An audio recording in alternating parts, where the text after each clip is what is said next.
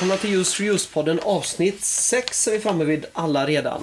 Jag heter Christian Larsson. Och jag heter Martin Bäcken.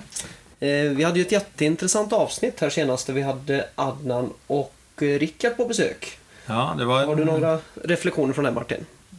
ett fantastiskt arbete som klubben gör, som jag kallar UP, för inte jag kan uttala det rätt. Jag är som Rickard, jag säger lite... Nej, det var en fantastisk... Rickard är ju en, eh, en, eh, också en eh, färgstark profil i Varberg. Och Ja. Med hans engagemang och gå på alla idrotter. Och, och Adnan och kompani gör ett fantastiskt arbete. Och du var ju faktiskt inne lite på årets julklapp och ett förslag till det. Ja, jag får, jättegärna nämna igen för den tyckte jag var riktigt, Det är ju riktigt egentligen bra. inte bara jag. Det är jag Ahmad som har kommit och...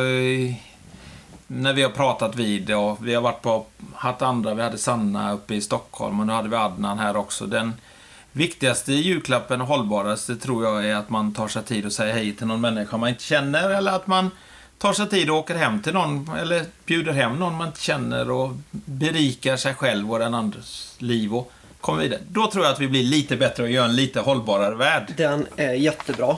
Så säg hej till alla så- ni inte känner ju. Precis, och eh, nu tänker vi säga hej till Helena Sigvardsson som är dagens gäst. Kan du inte berätta lite vem, vem du själv är? Eh, ja, jag heter Helena Sigvardsson. Jag är eh, 44 år och jag jobbar som gymnasielärare på Peder skola i Varberg och undervisar i svenska och religion. Och eh, du är här idag också som egenskap av representant för Röda Korset. Yes, jag jobbar som frivillig inom Röda Korset också. Ett fråga där nu. Nu kommer jag med min fråga direkt här. Men frivillig, är ni volontärer? Eller är ni frivilliga? Vad heter det? det? Jag kallar er alltid Eh, volontärer. Man kan säga båda faktiskt. Vi använder nog faktiskt mer... ehm, du kan säga vilket Vad är det för skillnad? Det kanske inte är. Eh, nej, det, jag tror faktiskt inte att det är någon större skillnad på frivillig och volontär.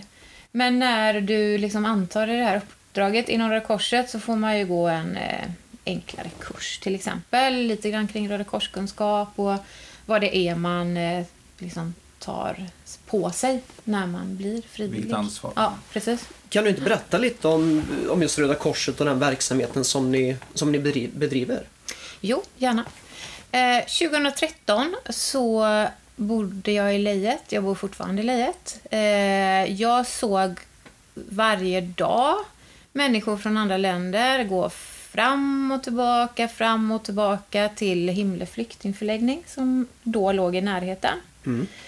Eh, och då tänkte jag så här att jag ville göra någonting. Så kände jag. Och jag ville inte bara prata kring saker och prata kring flyktingfrågan och, och liksom åsikter utan att faktiskt göra något själv. Så jag tog kontakt med Röda Korset och frågade kan vi göra något eh, på flyktingförläggningen? Och då sa de absolut. Och då fick jag med mig fyra kvinnor. Ehm, så vi åkte dit en mörk novemberkväll, minns jag. Knackade på dörren till Himle flyktingförläggning och frågade om vi fick komma in och hjälpa till med något. Om det fanns något vi kunde hjälpa till med. Och vi hade ju tanken att vi försöker med svenskan. Alltså vi har svenskan som ingångs. Så vi hade med oss spel, vet jag. Eh, lite lättare papper med språk, eh, språk på.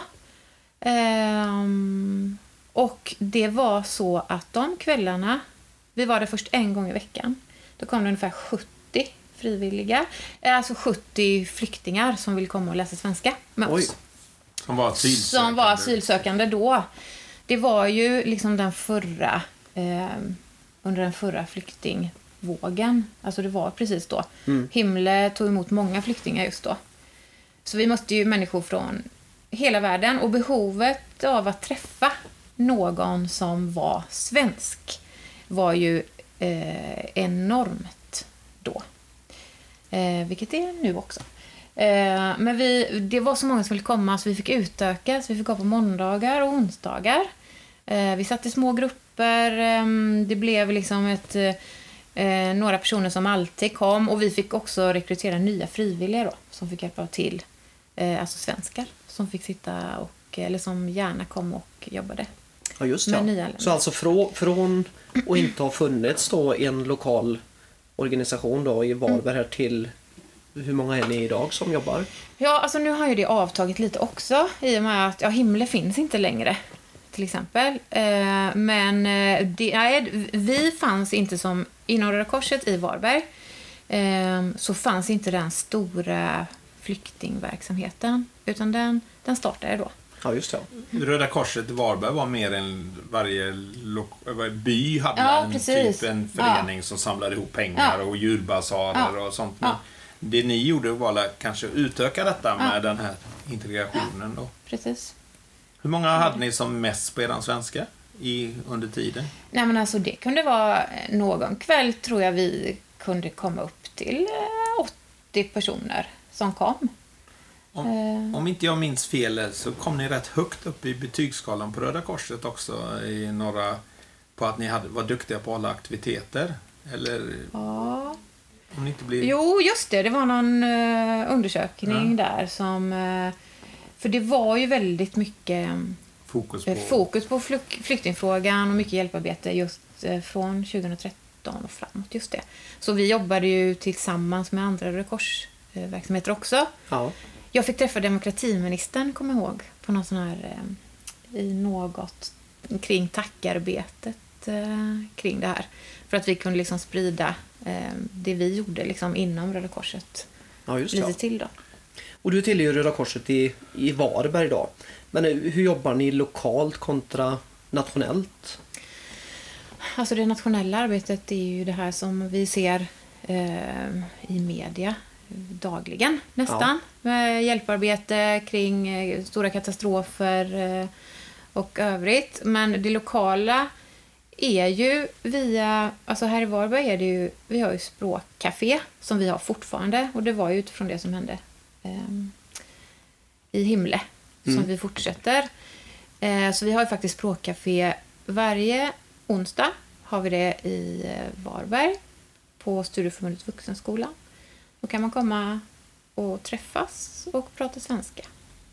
Eh, det finns ju också eh, Röda Korsets mötesplats Kupan som ligger ute på bruket. Där har vi ju också verksamhet med eh, second hand. Mm. Ehm, och sen finns det också, Röda Korset är också inblandat i språkcafé på Komedianten. Ehm, så det är ju många sådana mötesplatser Ja, eh, som... Förutom integration, vad jobbar Röda Korset med i Varberg då? Är det... Eh, Alltså det finns, eh, jag vet att ungdomsverksamheten eh, håller på att öka just nu. Eller de håller på att jobba med att eh, göra den större. Så det finns Röda Korsets ungdomsförbund, håller på att starta och har startat. Eh, det finns också ehm, eh, första hjälpen-grupper, vet jag. Att Just det, det kan man se på eh, evenemang ja, och sådana precis. grejer. Mm. Och sen är det ju det som hände vid Kupan. Eller Kupan heter inte längre. Nu får, vi kliva bort. Ja, det heter För det var Bruket. Eh, bruket, men det heter ju Röda Korset Second Hand. Det, ja, det, är- det, är, det, är, det är försäljning av second Ja. hand. Ja, Man ser, man ser ju ofta Röda Korset också i, i sammanhang med naturkatastrofer och liknande. Kan du berätta lite om hur ni jobbar internationellt? Alltså jag får ju väl ärligt säga att jag är ju inte jätteinsatt i... Eh, alltså jag har ju anv- eller, har, eller jobbar med Röda Korset väldigt lokalt. Mm. Ehm, så alltså... Ja, jag- de egna lokala samfunden sköter sig själva egentligen kan man säga Ja. mer. Ja, just ja. Jag såg på, jag kollade lite på er hemsida här tidigare också och såg att ni söker eh, frivilliga som kan hjälpa nyanlända i Varberg. Hur, hur går det med den rekryteringen så att säga? Jag undrar lite eftersom vi ständigt läser om att främlingsfientligheten ökar i, i Sverige. Mm. Ehm, alltså vi har ju kvar den frågan och vi egentligen så, alltså just vi som jobbar med språkcafé fortfarande på onsdagar, eh, där skulle vi i och för sig kunna behöva några fler, absolut. Vi får faktiskt förfrågningar ehm, som jag tror man har sett på den här sidan. Ja, Eh, att någon mejlar och frågar, jag skulle vilja mm, hjälpa till. Eh, vi skulle i och för sig behöva bli fler, men vi har inte jobbat jätteaktivt med den eh, marknadsföringen. Alltså behovet på våra språkcafé är inte jättestort just nu. Ehm, för vi har också sett att det vi gjorde eh, i Himle och framåt har skapat... Eh, alltså, på något sätt så har vi lite grann avverkat oss Alltså vi gjorde väldigt mycket där. Så, och de ringarna på vattnet, eh, liksom kontakter som skapades, eh, jobb som människor hittade, till exempel eh, genom att man blev bättre på svenskan till exempel. Alltså behovet, vi säger att vi kanske har 15 stycken i veckan som fortfarande kommer på språkcaféet. Ja. Så är det ju ändå, i och för sig nu är det personer från Chile, från Eritrea, från Syrien. Ehm, så de som kommer där är ju egentligen att man faktiskt kanske mest också vill träffa, träffa människor här i Varberg. ja. Ehm, faktiskt. Vi har haft uppe det lite tidigare också i, i en tidigare podd som vi hade. Eh, nyckeln till att lyckas med integrationen. Och det var ju språket pratade vi mycket om där i alla fall. Vad, vad tror du är nyckeln?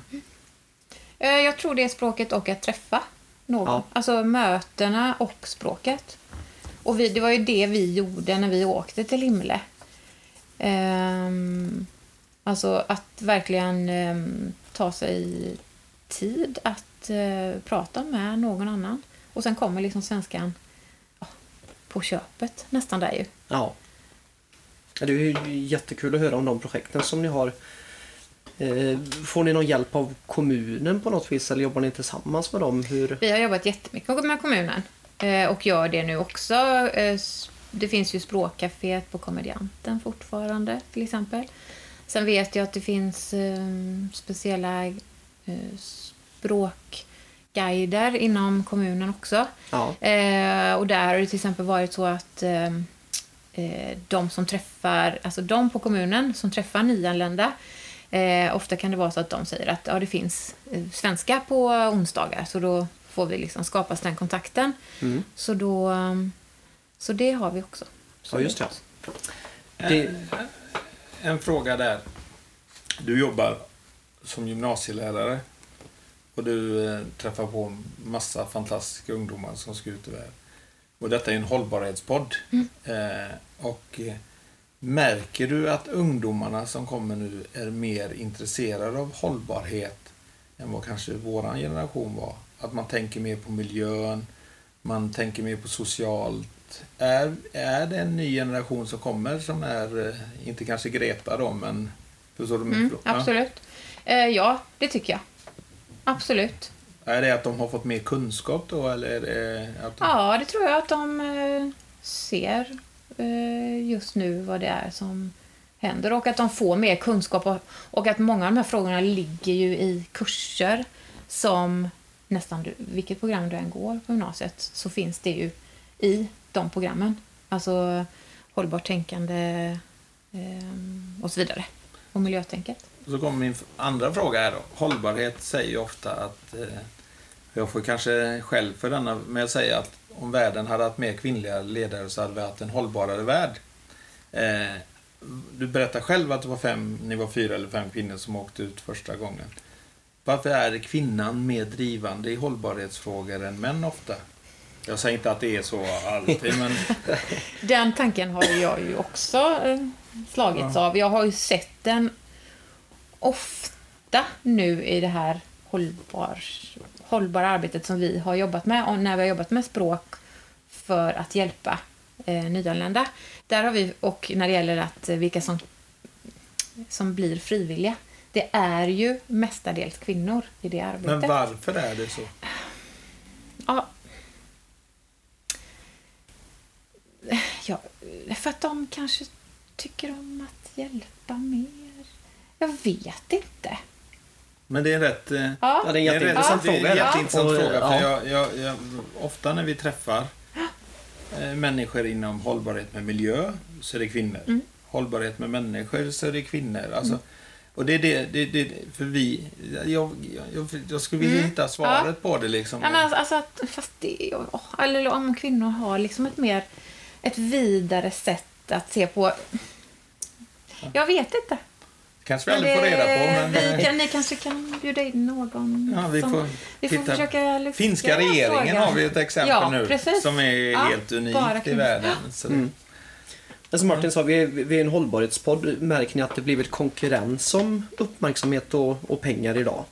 Jag menar att är människor mer engagerade i att rädda klimatet än att stödja sina medmänniskor eller, eller finns det plats för båda? Det finns plats för båda. Det är min uppfattning. Ja, så ni upplever inte någon konkurrens så direkt utan... Nej. Men det är ju rätt, den är ju rätt, den är, för att du ska få svara Helena, men den hänger ju lite samman. Ja, jag visste ju Det det. vi, inte, liksom, så det, vi kan ju rädda världen med att världens bästa försöka bli, eller det måste vi ju troligtvis bli, men om inte vi har människor som jobbar med det, så det hänger ju lite samman det här, eller har jag fel? Jo, det gör det faktiskt. Alla vill ju andas frisk luft. Absolut. Nej, och det, det, det är lätt att bli deprimerad när man ser hur många av världens ledare bär sig åt, tänker jag. Ändå verkar det finnas massor av goda människor överallt. Är jag bara naiv eller vad, vad är dina tankar? Nej, du är ju inte naiv och så, så tänk, precis som du tänker, så kan man ju tänka varje dag. Men man kan ju också tänka att, ja men nu gör jag något, något själv kring det här. Så tänker jag att fler borde göra. Ja. Istället för att ha en massa åsikter om vad som inte fungerar. Alltså, gör något själv. Ehm, för att då få det att fungera. Jag tycker vi har lite för mycket att, alltså, och sen liksom säga, ja men det är någon annans fel. Alltså liksom, det är inte... Försök att lösa det, gör det själv. Det är lätt att sitta på avbytarbänken och tycka vad andra Precis. gör. För... Mm. Ja, Upplever du att eh, människan är ego- egoistisk? ja till, till, det, alltså till sist liksom där så, så blir det ju ofta så. Jag säger inte alltid, men ofta är det ju faktiskt så. Du har ju eh, varit med och gjort ett fantastiskt arbete. Jag har sagt om kvinnorna i podden här förut på Röda Korset Himle som jag, och männen. Det var även, här, ja, även ja, frivilliga absolut. som var med. Ni ser nu och träffar på mycket, eller flera av dem som bodde i Himle som har kommit in i samhället och har jobb och barn och eget boende och sånt. Vad får man för känsla när man ser detta? Det är ju helt fantastiskt eh, att det har blivit så bra för väldigt många. Och jag tror ju, eller nästan vet, att det var de här mötena som de fick eh, när de kom hit till ett nytt land, visste inget och fick som liksom varsin liten så guide. Det har jag också jobbat med mycket och det var ett projekt som jag brann för jättemycket för några år sedan, språkvänsprojekt. Där vi också såg att om du träffar någon i det nya landet så blir det så fantastiska ringar på vattnet kring det. Mm. Ehm, och det är ju många som har lyckats väldigt bra i Sverige. Ehm, tack vare faktiskt att vi drog igång det projektet. Och det måste ju vara ett litet, eh, vad ska man säga, kvitto eller present på det arbetet som ni la ner, att det har gått bra. Ja, Och ni får ju tillbaka säkert jättemycket av dessa människorna Ja. idag. Så det är... eh, Nej, jag, är, det jag brukar säga det ni gjorde i Himle flyktingförläggning, det är nog, det är nog väldigt, väldigt svårt att förstå hur viktigt det var för många alltså med mötena, svenskan och allt ni gjorde där Mm. ute. Då. ja det, det är väl först nu faktiskt, efter det har gått eh, ganska många år, som ehm, vi verkligen förstår hur stort det var. Faktiskt. Vad skulle du vilja ge bort i julklapp ifall du fick välja då? Alltså jag har också kört lite med den här årets julklapp. Jag vet att jag gjorde någon sån här Facebook-inlägg någon gång. Inte årets julklapp, men jag skrev, jag vet att jag skrev det på min Facebook-sida för några år sedan när vi var mycket i himlen. Jag tror det var då. Eh, för vi pratar ofta om det, alltså vi pratar ofta om liksom det som händer eh, med de nyanlända. Och jag vet att vi pratade en hel del kring det här med hur vi svenskar eh, möter varandra. Liksom. Att vi kanske inte ens säger hej. Men jag vet att jag drog igång det då. Alltså, Säg hej till alla. Gör det liksom. Och det tyckte de ny, nya svenskarna var väldigt bra också. Så det är, alltså det är en liten, liten grej. Men eh, för en person som kommer till ett nytt land och som inte känner någon så är det ju något helt fantastiskt att någon säger hej till dig. Absolut. En sista ledande fråga då. Kommer det goda att segra? Absolut. Det väljer jag att tro på. Och jag är övertygad också. Och med det så får vi säga Tack. tack för denna gången och passa på att önska alla en riktigt god jul. Och Helena, du får rekommendera det då. Gå ut och säg hej. Ja, gå ut och säg hej till alla du möter. Så blir det en bättre jul. Då säger vi hej och god jul. Precis. Tack, så Tack. jättemycket Lena. Tack. Tack.